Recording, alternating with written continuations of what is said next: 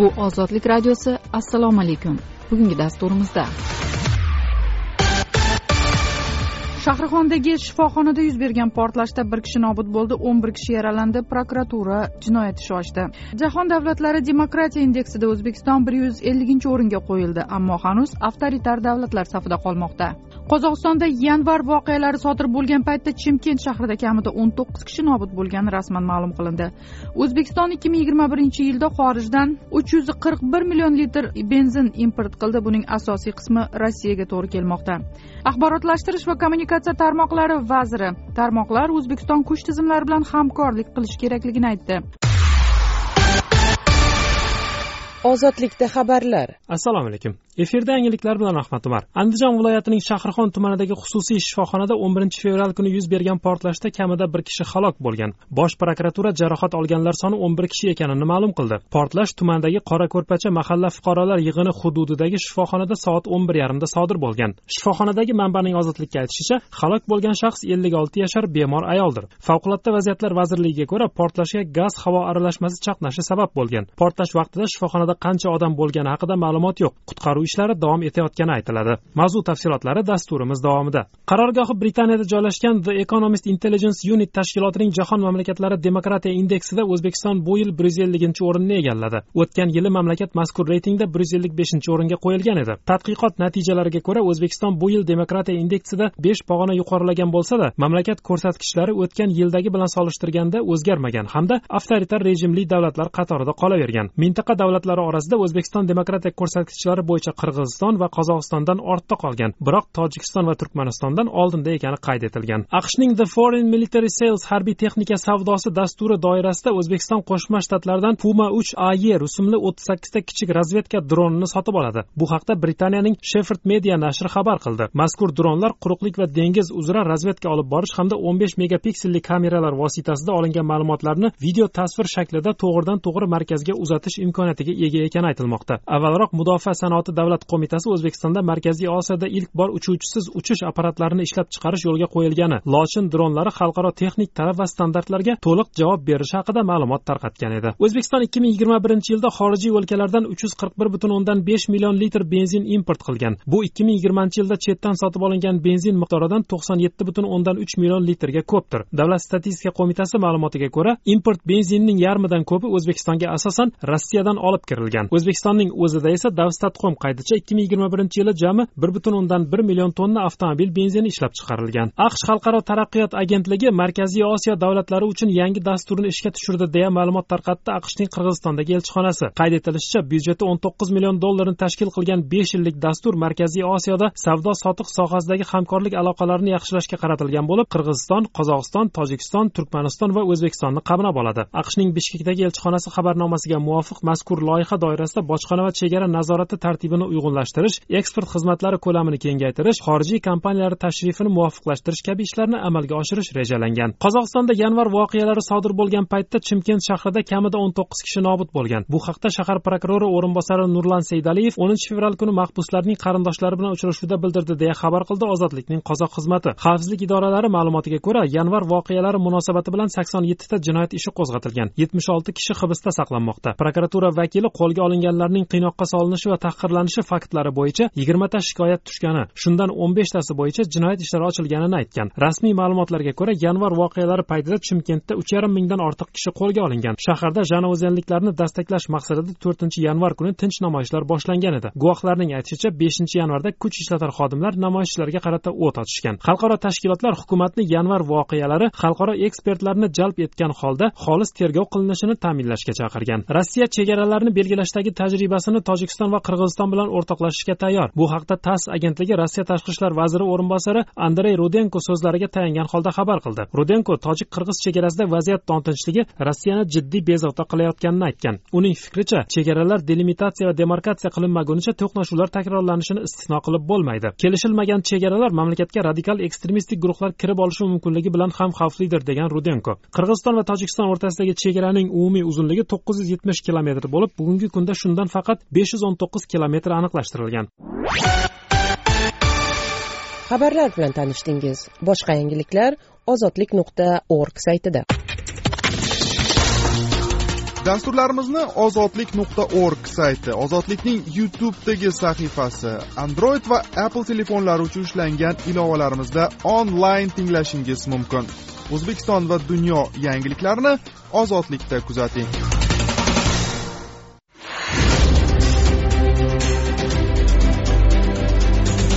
ozodlik radiosi favqulodda hodisa. Shahrixondagi shifoxonada yuz bergan portlashda kamida bir kishi halok bo'ldi tafsilotlar bilan hurmat bobojon. Andijon viloyati shahrixon tumanidagi shifoxonada o'n birinchi fevral kuni ro'y bergan gaz portlashidan kamida bir kishi halok bo'lgan hodisa soat o'n bir yarimlarda qora ko'rpa mahallasidagi xususiy tibbiyot punktida ro'y berdi. O'zbekiston favqulodda vaziyatlar vazirligi axborot xizmati portlashga gaz havo aralashmasi chaqnashi sabab bo'lgani oqibatda yettita kishi yaralanganini ma'lum qildi. Vazirlik qurbonlar haqida ma'lumot yo'qligini bildirgan favqulodda vaziyatlar vazirligi e'lon qilgan suratlarda shifoxona binosi deyarli vayron bo'lgani ko'rinadi. Portlash ro'y bergan shifoxona xodimlaridan biri ozodlikka portlash oqibatida ellik yetti yoshli bemor ayol halok bo'lganini aytdi. Bir ming to'qqiz yuz oltmish oltinchi yilda tug'ilgan bemor ayol halok bo'ldi. Qutqaruv ishlari olib borilyapti yaralanganlarni olib chiqishyapti. Ularning aniq sonini bilmaymiz dedi shifoxonaning ismi ochiqlanmasligini istagan xodimi. Albatta andijon viloyat tibbiyot boshqarmasi bu haqda izoh berolmasligini aytdi. Bu kasalxona bizni tasarrufimizda emasligi sabab bu haqida hech narsa ayta olmaymiz deydi boshqarma mulozimi. Hodisa oqibatida yaralanganlar tuman tibbiyot birlashmasi shifoxonasiga yotqizilgan ularning jarohati qanchalik jiddiy ekani oralarida ahvoli og'irlari ayol yoki yosh bolalar bor yo'qligi haqida ma'lumot yo'q o'zbekistonda gazdan noto'g'ri foydalanish natijasida portlash yoki yong'inlar sodir bo'lib turadigan hodisadir. Gaz ta'minotidagi uzilishlar sababidan ham ba'zida portlashlar bo'lgan gaz yo'qligi oqibatida qo'l bola qo'lbola uskunalardan foydalaniladi. Ozodlik radiosi instagram tarmog'ida. Kundalik xabarlar audio video lavhalarimizni kuzatishingiz do'stlaringiz bilan osongina ulashishingiz mumkin. Lotinda ozodlik radiosi deb qidiring. Qozog'istonda yanvar oyida qo'lga olinib tartibsizliklarda ishtirok etganlikda ayblangan qirg'izistonlik musiqachi vikram ro'zaxunov u yerda boshidan kechirgan qiynoqlar haqida ilk bor so'zlab berdi. Bu haqda u instagramdagi sahifasida yozib qoldirgan. Mavzu tafsilotlari bilan ahmad umar. Vikram agar o'sha intervyu bo'lmaganida uning qayerdaligi va qanday voqealarni boshidan kechirganini hech kim bilmay qolishi mumkinligini aytgan. Jurnalistlarga aytdim bunga hech kim ishonmaydi. Qirg'izistonda mening o'z ishim bor dedim ammo ular quloq solishmadi. Yuzlab asossiz hibsga olinganlar orasidan aynan meni tanlagan ssenariyni yodlashga va kamera qarshisida o'qib berishga majbur etgan odamga rahmat aytaman. Vrachlarning aytishicha kunim bitishiga oz qolgan ekan chunki singan qovurg'alarim chap o'pkamni shikastlagan. Yana bir ikki zarba yesam yuragimga ham zarar yetgan bo'lardi deb yozgan musiqachi. Ro'zaxunov uning ozod bo'lishiga va qirg'izistonga qaytishida ko'maklashgan barchaga minnatdorlik bildirib so'roqlarda qiynoqqa solishgan paytlarda men taniqli musiqachiman deya qayta qayta takrorlaganiga qaramay qozog'iston huquq tartibot xodimlaridan hech biri uning shaxsini tekshirmaganini qo'shimcha qilgan. Joriy yil yanvarida qozog'istonda yuz bergan tartibsizliklar chog'ida o'n nafar qirg'izistonlik qo'lga olingan edi. Yana ikki qirg'iz fuqarosi qurbon bo'lgan. Mahbuslar orasida mashhur musiqachi vikram ro'zaxunov ham bo'lgan. Qozog'iston kuch ishlatar idoralari yuzi momatoroq bo'lib ketgan vikram tartibsizliklarda ishtirok etganini tan olgani aks etgan videoni yoyinlagan qirg'izistonda uni tanib qolishgan va janjal ko'tarilganidan so'ng u vataniga qaytarilgan. Qirg'izistonga kelgach vikram qo'yib yuborishlari uchun o'ziga nisbatan tuhmat qilganini aytgan. Keyinroq u barcha rasmiy bayonotlari hanuz qozog'istonda tutqunlikda saqlanayotgan barcha insonlar uchun qilinganini har bir so'zi ularning aholiga ta'sir etishi mumkinligi haqida yozgan. Shuningdek musiqachi unga intervyu berish taqiqlanganini qo'shimcha qilgan. Qozog'istonda yanvar voqealari sodir bo'lgan paytda chimkent shahrida kamida o'n to'qqiz kishi nobud bo'lgan. Bu haqda shahar prokurori o'rinbosari nurlan seydaliyev o'ninchi fevral kuni mahbuslarning qarindoshlari bilan uchrashuvda bildirdi deya xabar qildi ozodlikning qozoq xizmati. Xavfsizlik idoralari ma'lumotiga ko'ra yanvar voqealari munosabati bilan sakson yettita jinoyat ishi qo'zg'atilgan yetmish olti kishi hibsda saqlanmoqda. Prokuratura vakili qo'lga olinganlarning qiynoqqa solinishi va tahqirlanishi faktlari bo'yicha yigirmata shikoyat tushgani shundan o'n beshtasi bo'yicha jinoyat ishlari ochilganini aytgan. Prokuratura va politsiya vakillari bilan uchrashuvda yanvar voqealarini tekshirish bo'yicha jamoatchilik komissiyasi a'zolari ham ishtirok etgan. Uchrashuvda mahbuslarning qarindoshlari noqonuniy qo'lga olishlar qiynoqlar va bosimlardan shikoyat qilganlar. Ular hibsdagi qarindoshlari darhol ozod etilishini talab qilishgan. Rasmiy ma'lumotlarga ko'ra yanvar voqealari paytida chimkentda uch yarim mingdan ortiq kishi qo'lga olingan. Shaharda janovizenliklarni dastaklash maqsadida to'rtinchi yanvar kuni tinch namoyishlar boshlangan edi. Guvohlarning aytishicha beshinchi yanvarda kuch ishlatar xodimlar namoyishchilarga qarata o't ochishgan. Yanvar voqealarida butun mamlakat bo'ylab kamida ikki yuz yigirma yetti kishi nobud bo'lgani aytilgan. Huquqbonlik tashkilotlari tartibsizliklarni bostirish chog'ida me'yordan ortiq kuch qo'llanilgani ko'p odamlar noqonuniy hibs etilgani so'roq va tergovda qiynoqqa solingani shuningdek tinch namoyishchilar terrorchi deya qoralayotganidan shikoyat qilishmoqda. Xalqaro tashkilotlar hukumatni yanvar voqealari xalqaro ekspertlarni jalb etgan holda xolis tergov qilinishini ta'minlashga chaqirgan. Eksklyuziv xabarlar radio eshittirish foto va video lavhalarni kundalik ravishda mobilingizda kuzatishni istasangiz bizni telegram ilovasida bir so'z bilan ozodlik kanali deb qidiring.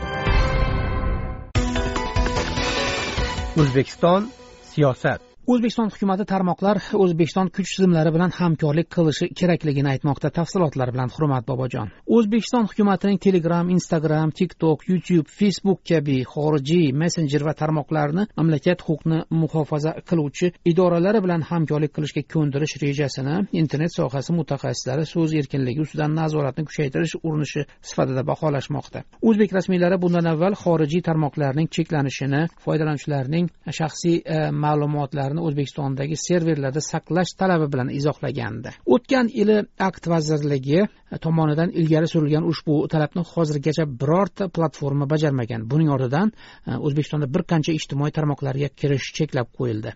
Endilikda o'zbek tomoni xorijiy messenjer va tarmoqlar ma'lumot almashishda hamkorlik qilish kerakligini aytmoqda. O'zbekiston akt vaziri sherzod shermatov to'qqizinchi fevral kuni kun uz muxbiri bilan suhbatda ularning asosiy talabi endilikda serverlarni e, o'zbekistonga olib kelish emas balki e, huquqbuzarlikni vaqtida aniqlash uchun ushbu platformalarning o'zbek hukumati e, mulozimlari va e, huquqni muhofaza qiluvchi idoralari bilan hamkorligi ekanini aytmoqda. Shermatovning ta'kidicha qo'shni davlatlardagi so'nggi voqealar bu kabi hamkorlik zaruratini yanada kuchaytirgan. Masalan terroristik guruhlarni o'zaro koordinatsiya qilish faoliyati bo'lsayu huquqni muhofaza qiluvchi organ uni topa olmasa bu nima degani? Sababi o'sha kripto qilingan ijtimoiy tarmoqda bunga imkoniyat bo'lmasa yoki o'zbekiston juda ko'p madaniyat va din vakillari yashaydigan davlat. Bu yerda millatlararo nizo qo'zg'atish juda oson.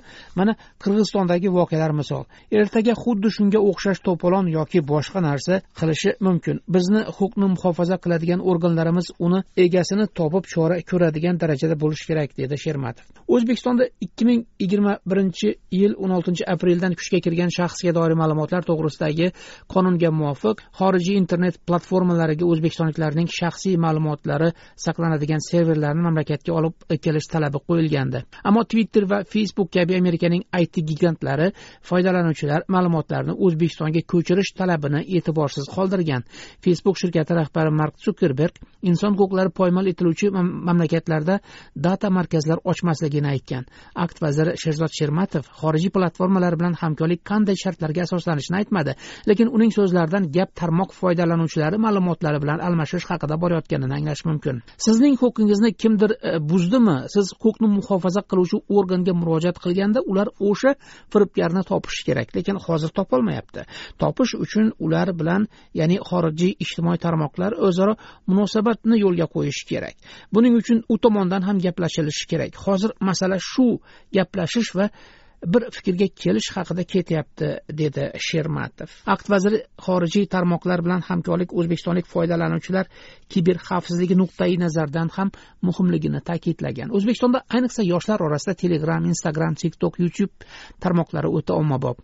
Ijtimoiy tarmoqlar matbuot davlat tomonidan qattiq nazorat qilinadigan o'zbekistonda fuqarolar uchun ijtimoiy siyosiy muammolarni erkin muhokama qiladigan minbar ham bo'lmoqda. Ismi ochiqlanmasligini so'ragan o'zbekistonlik internet sohasi mutaxassisi xorijiy tarmoqlar o'zbek tomonining asl maqsadi erkin fikr bildiruvchilarni aniqlash va jazolash ekanini bilgan holda hukumat bilan hamkorlikka bormaydi deb ishonishini aytadi. Vazirimiz tarmoqlar bilan hamkorlik zaruratini foydalanuvchilarning xavfsizligini ta'minlash ularni firibgarlardan himoyalash istagi bilan izohlayapti. Men hech qachon tarmoqda foydalanuvchilar ijtimoiy tarmoqlarda qandaydir muammolar bilan sudlashganiga ko'zim tushmagan. Vazir buni qayerdan oldi? Qoldi.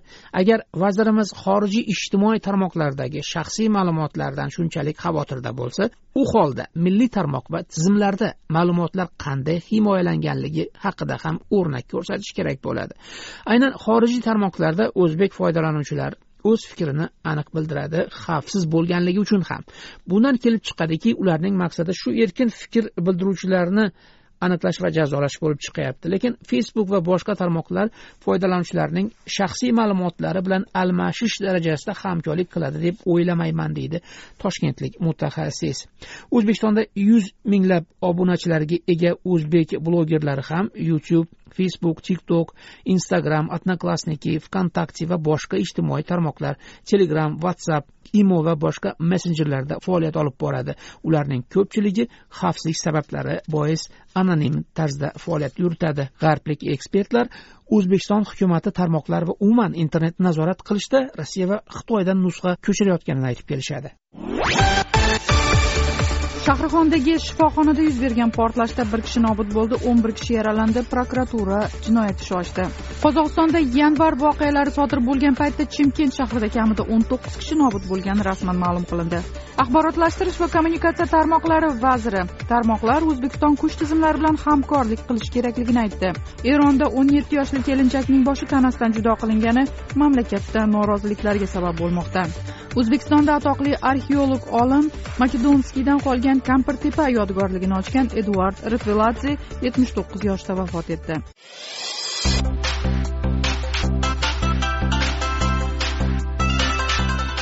Ozodlik eshittirishlarini yigirma to'rt soat davomida ozodlik saytida ozodlik radiosi tunin radiosi va boshqa radio ilovalarida aziasat uch d hotbird sakkiz sun'iy yo'ldoshlarida uzluksiz tinglashingiz mumkin.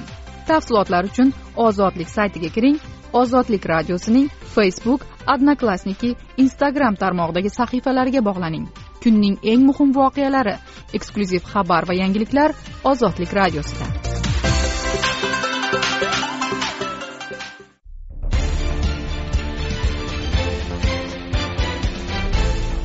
O'zbekiston kadrlar siyosati. Tajribaga tushgan ayollar sirdaryoda ayol hokim kengash raisligidan ketdi. Tafsilotlar bilan gulasal sirdaryo viloyati boyovut tumani hokimi dilfuza o'rolova o'zbekistonda mahalliy kengash raisligidan ketgan ilk ijro hokimiyati rahbari bo'ldi. Tuman hokimligi matbuot xizmati yettinchi fevral kuni tarqatgan xabarda aytilishicha bundan buyon kengashga deputatlardan biri rahbarlik qiladi. Ma'lum bo'lishicha boyovut tumanida mahalliy kengash raisi tajriba tariqasida deputatlar orasidan saylanmoqda. Tajribaning qanchalik keng qo'llanishi ma'lum emas. Yettinchi fevral kuni sessiyada dilfuza o'rolova mahalliy kengash raisligini topshirish bir umrlik orzusi bo'lganini aytgan. Tajriba tariqasida boyovut tumanida mahalliy kengash raisi deputatlar orasida saylanadi. Bir umrlik orzuim shu. Endi birinchi sektor rahbari sifatida kengash majlisida sektorlar qatorida pastda o'tirib neytral hisobot topshiraman. Ya'ni o'zim kengash raisi vazifasini amalga oshirmayman deya o'rolovaning so'zlaridan iqtibos keltirmoqda tuman hokimligi matbuot xizmati. Amaldagi tartibga ko'ra viloyat yoki tuman hokimlari o'z qarorlarini mahalliy kengashlarga taqdim qiladi va ayni hokimlar kengash raisi tariqasida o'zlari kiritgan qarorni o'zlari tasdiqlaydilar. Hokimlarning mahalliy kengash raisligidan ketishi nima uchun aynan ayol hokimadan boshlangani ma'lum emas. Dilfuza o'rolova shavkat mirziyoyev hokimiyatga kelishi ortidan o'zbekistonda tuman hokimi lavozimiga tayinlangan yetti ayoldan biri. Boyovut tumani hokimi mahalliy kengash raisligidan ketgani e'lon qilinishidan bir kun avval yana bir ayol hamkasbi qarshi tuman hokimi maqsuda mustafoyeva esa o'z arizasiga binoan vazifasidan ketgani ma'lum qilindi. Tuman hokimligi matbuot xizmati bergan bayonotga ko'ra mustafoyeva tanqidlar ortidan lavozimidan ozod qilingan. Hokimning ishdan olinishiga jumladan u rahbarlik qilgan davrda aholidan shikoyatlar ko'paygani hokim og'ir uchastkalar bilan qiziqmagani sabab bo'lgani aytilmoqda. Mustafoyevaning ikki ming yigirmanchi yil mart oyida hokimlikka tayinlanishi prezident tashabbusi va gender tenglik ko'rinishi sifatida taqdim qilingandi. Tuman hokimi matbuot kotibi ahror sodiqovning ozodlikka bildirishicha kamchiliklar bois ishdan olingan sobiq hokimaga nisbatan surishtiruv yoki jinoyat tergovi bormayotir. U mehnat ta'tilida hamda tez orada keyingi faoliyati haqida xabar beriladi. Ayni paytda tarmoqlarda mustafoyevaning yuqori lavozimga tayinlanishi ehtimoli haqida ham gapirilmoqda. Qarshi tuman hokimi matbuot kotibi ahror sodiqov endilikda sobiq hokimning taqdiri bilan bog'liq xabarlarni sharhlay olmasligini bildirdi. Shavkat mirziyoyev prezidentlikka kelgach muqaddam faqat erkaklardan iborat bo'lgan hokimlar safiga ayollarni ham qo'shish tashabbusi bilan chiqdi. ikki ming o'n to'qqizinchi yil yigirma yettinchi dekabrda toshkentdagi uchrashuvlardan birida prezident ilm ahli va rahbar ayollarni ko'paytirish zarurati haqida gapirgan. Shu jumladan ayol rahbarlar ko'paysa korrupsiya kamroq xalq bilan muloqot ko'proq bo'lishini ta'kidlagan edi. Prezident so'zlaridan keyin hozirgacha yetti nafar ayol hokimlikka tayinlandi. Ularning ba'zilari joylarda cheksiz hokimiyatga ega erkak hamkasblari bilan bo'lgani kabi mojarolar markazida qolishdi. Jumladan maqsuda mustafoyeva ikki ming yigirmanchi yilning to'rtinchi martida lavozimga tayinlangach qator janjallari jumladan qarshi tuman hokimligida yig'ilgan xayriya mablag'laridan yuz million so'mining noqonuniy o'zlashtirilishiga aloqadorlik uchun tanqid qilingan hayfsan olgan edi. O'sha yilning sentyabrida qashqadaryo viloyati sobiq hokimi zoir mirzayev jurnalistlarga bergan suhbatida maqsuda mustafoyevani hokimlik lavozimiga tavsiya qilganidan afsusda ekanini ham aytgan. Andijon viloyati bo'ston tumanining marhum hokimasi sadbarxon mamitova esa fermerlarni uyatli so'zlar bilan haqorat qilgani qayd etilgan yozuv oshkor bo'lishi bilan tanilgan. Ozodlik bu haqda xabar qilgan va buning ortidan mamitova andijon viloyati hokimi shuhrat abdurahmonovdan ogohlantirish olgandi. Andijon viloyatidagi mahalliy organlardan birida uzoq yillar ishlagan sobiq mulozimga ko'ra ayol hokimlar tegrasidagi janjallar yoki boshqaruv uslubining erkak hokimlarnikidan katta farqi yo'q. Faqat bular ayol kishi bo'lgani uchun ko'proq e'tiborni tortyapti. Bundan tashqari ayollarning terisi biroz yupqalik qilyapti. Bu hokimlikda ishlaydiganlarning beti qattiq. Baqir chaqir so'kish urish birovning haqqini yulish yolg'on gapirish o'g'irlash korrupsiya hammasidan bor hokimiyatda. Ayollar bunaqa muhitda rahbar bo'lgandan keyin o'rnini topib olishi yanayam og'ir bo'lyapti. Shuning uchun har maqomga tushib ketishyapti.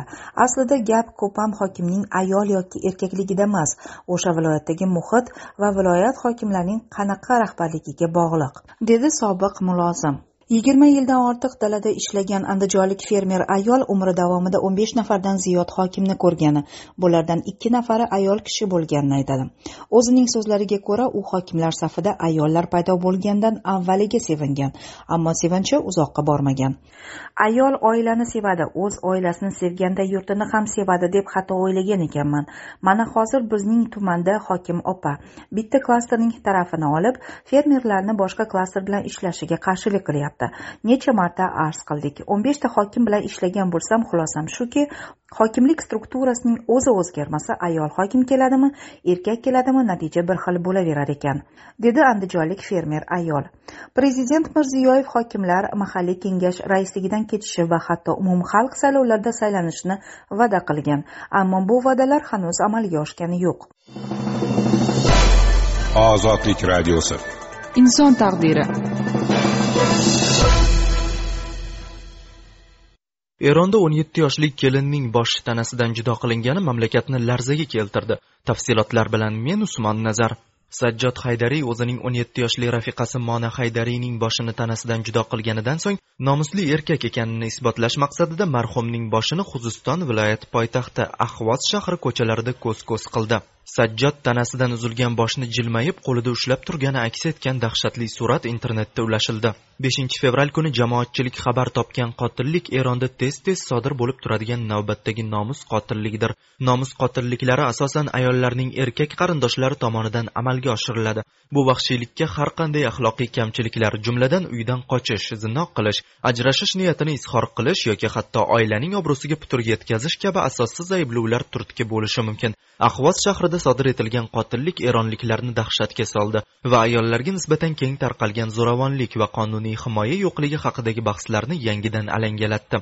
Xabarlarga ko'ra mona haydariy o'ldirilishidan bir necha oy oldin internetda tanishgan suriyalik erkak bilan yashash uchun turkiyaga qochib ketgan. Uch yoshli o'g'il farzandga ega yosh ona qarindoshlari uyga qaytsa xavfsiz bo'lishini va'da qilishi ortidan vataniga qaytib borganidan bir necha kun o'tib o'ldirilgan. Xabar qilinishicha uning eri va jinoyatni sodir etishga yordam bergani aytilayotgan akasi ayni damda hibsda saqlanmoqda. Xabarlarda aytilishicha mona haydariy 13 yoshida o'z amakivachchasiga majburan turmushga uzatilgan va 14 yoshida o'g'il ko'rgan. Eron matbuot matbuoti xabarlariga ko'ra haydariy erining zo'ravonliklariga chidab kelayotgan bo'lgan. Bundan tashqari eri uning ajrashish taklifini qabul qilmagan. Eronda ko'pchilik islomiy qonunchilik tizimini shuningdek mamlakatning patriarxal madaniyati va urf odatlarini bunday qotilliklarga yo'l qo'yiladigan muhitni yaratishda ayblamoqda. Bundan bir yil oldin eron shimolida 14 yoshli ramina ashrafiy o'z otasi tomonidan vahshiylarcha o'ldirilgan edi. Qotil 8 yillik qamoq jazosiga hukm qilindi. Xabarlarga ko'ra farzandkush ota qizining tanasini boshidan judo qilishdan oldin qizini qanday jazolashi mumkinligi haqida huquqshunos bilan maslahatlashgan. Aqshda faoliyat yurituvchi sotsiolog husayn g'oziyon ozodlik radiosiga eronda ko'pchilik erkak o'z oilasidagi ayollarni o'z mulki deb bilishini aytadi. Erkaklar ayollarning idroki va tanasiga egalik qiladi. Ular chiziq tortib ayollarning sha'nini himoya qilishni jamiyat oldidagi burchlari deb bilishadi deydi g'oziyon. Agar ular muvaffaqiyatsizlikka uchrasalar nomuslarini isbotlashim kerak deb o'ylaydilar va ko'pincha buni tanasi bulg'angan ayollarni o'ldirish orqali amalga oshiradilar deydi sotsiolog. Ayol deputat ilhom ozod eronda ayollarni zo'ravonlikdan himoya qilish uchun ijroiya kafolati bo'lgan qonun yo'q ekanligini ta'kidladi. U ayollarni zo'ravonlikdan himoya qilish qadr qimmatini va xavfsizligini ta'minlash to'g'risidagi qonun loyihasi qabul qilinishiga hamda kelajakda bunday dahshatli jinoyatlarning oldini olishiga umid izhor qildi. Ikki ming yigirma birinchi yilning yanvarida o'sha paytdagi prezident hasan ruhoniy hukumati tomonidan qabul qilingan endilikda parlament tomonidan qabul qilinishi kutilayotgan qonun loyihasi ayollarga nisbatan zo'ravonlik jumladan ayollarga jismoniy yoki ruhiy zarar yetkazuvchi harakatlar yoki xatti harakatlar uchun jinoiy javobgarlikni belgilaydi. Human rights watch tashkilotiga ko'ra taklif etilayotgan qonun loyihasida qator ijobiy moddalar bo'lishiga qaramay u xalqaro standartlarga mos kelmaydi.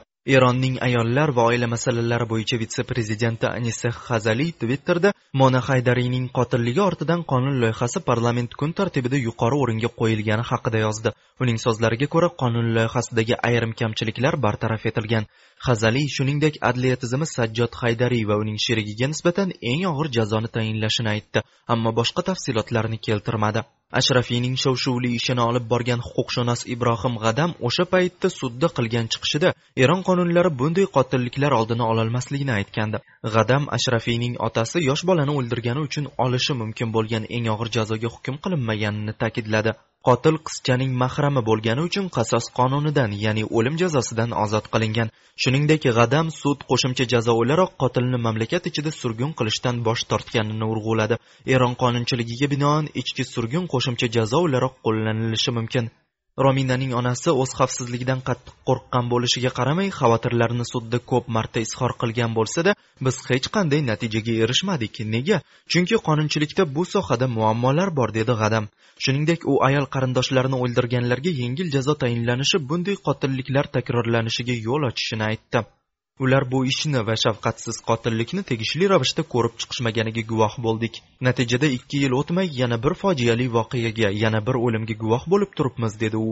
Qarorgohi nyu yorkda joylashgan eronda inson huquqlari markazining ijrochi direktori hadi g'aymiy haydariy o'limi uchun eron hukumati uning qotillari kabi mas'ul ekanini ta'kidladi. Agar eron hukumati yosh bolalarni nikoh qilish kabi shafqatsiz amaliyotga qarshi hamda oiladagi zo'ravonlikdan himoya qilish bo'yicha qonunlarni qabul qilganida edi boshi kesilgan kelin bugun tirik bo'lishi mumkin edi deb yozdi u twitterda. Eronda nomus qotilliklari haqida ishonchli statistik ma'lumot yo'q. Bunday holatlar haqida ko'pincha jamoatchilik xabar topmaydi va ular odatda bosti bosti qilinadi. Ijtimoiy faol atafex baraviyeh o'tgan oy andishai puya mahalliy nashriga bergan intervyusida so'nggi ikki yil ichida xuziston viloyatida oltmish nafar ayol nomus qotilligi qurboni bo'lganini jinoyatchilarning birortasi ham javobgarlikka tortilmagani va marhumlarning oila a'zolari sudga da'vo qilishmaganini aytdi. Uning so'zlariga ko'ra bunday qotilliklarning haqiqiy soni aslida ancha yuqori bo'lishi mumkin. Facebook lentasida ozodlik maqolalarini nafaqat o'qishingiz balki fikr bildirishingiz muhokama qilishingiz do'stlaringiz bilan o'rtoqlashishingiz mumkin. Audio suhbatlar video lavhalar ozodlikning facebook lentasida sahifamizni lotin imlosida ozodlik radiosi deb izlang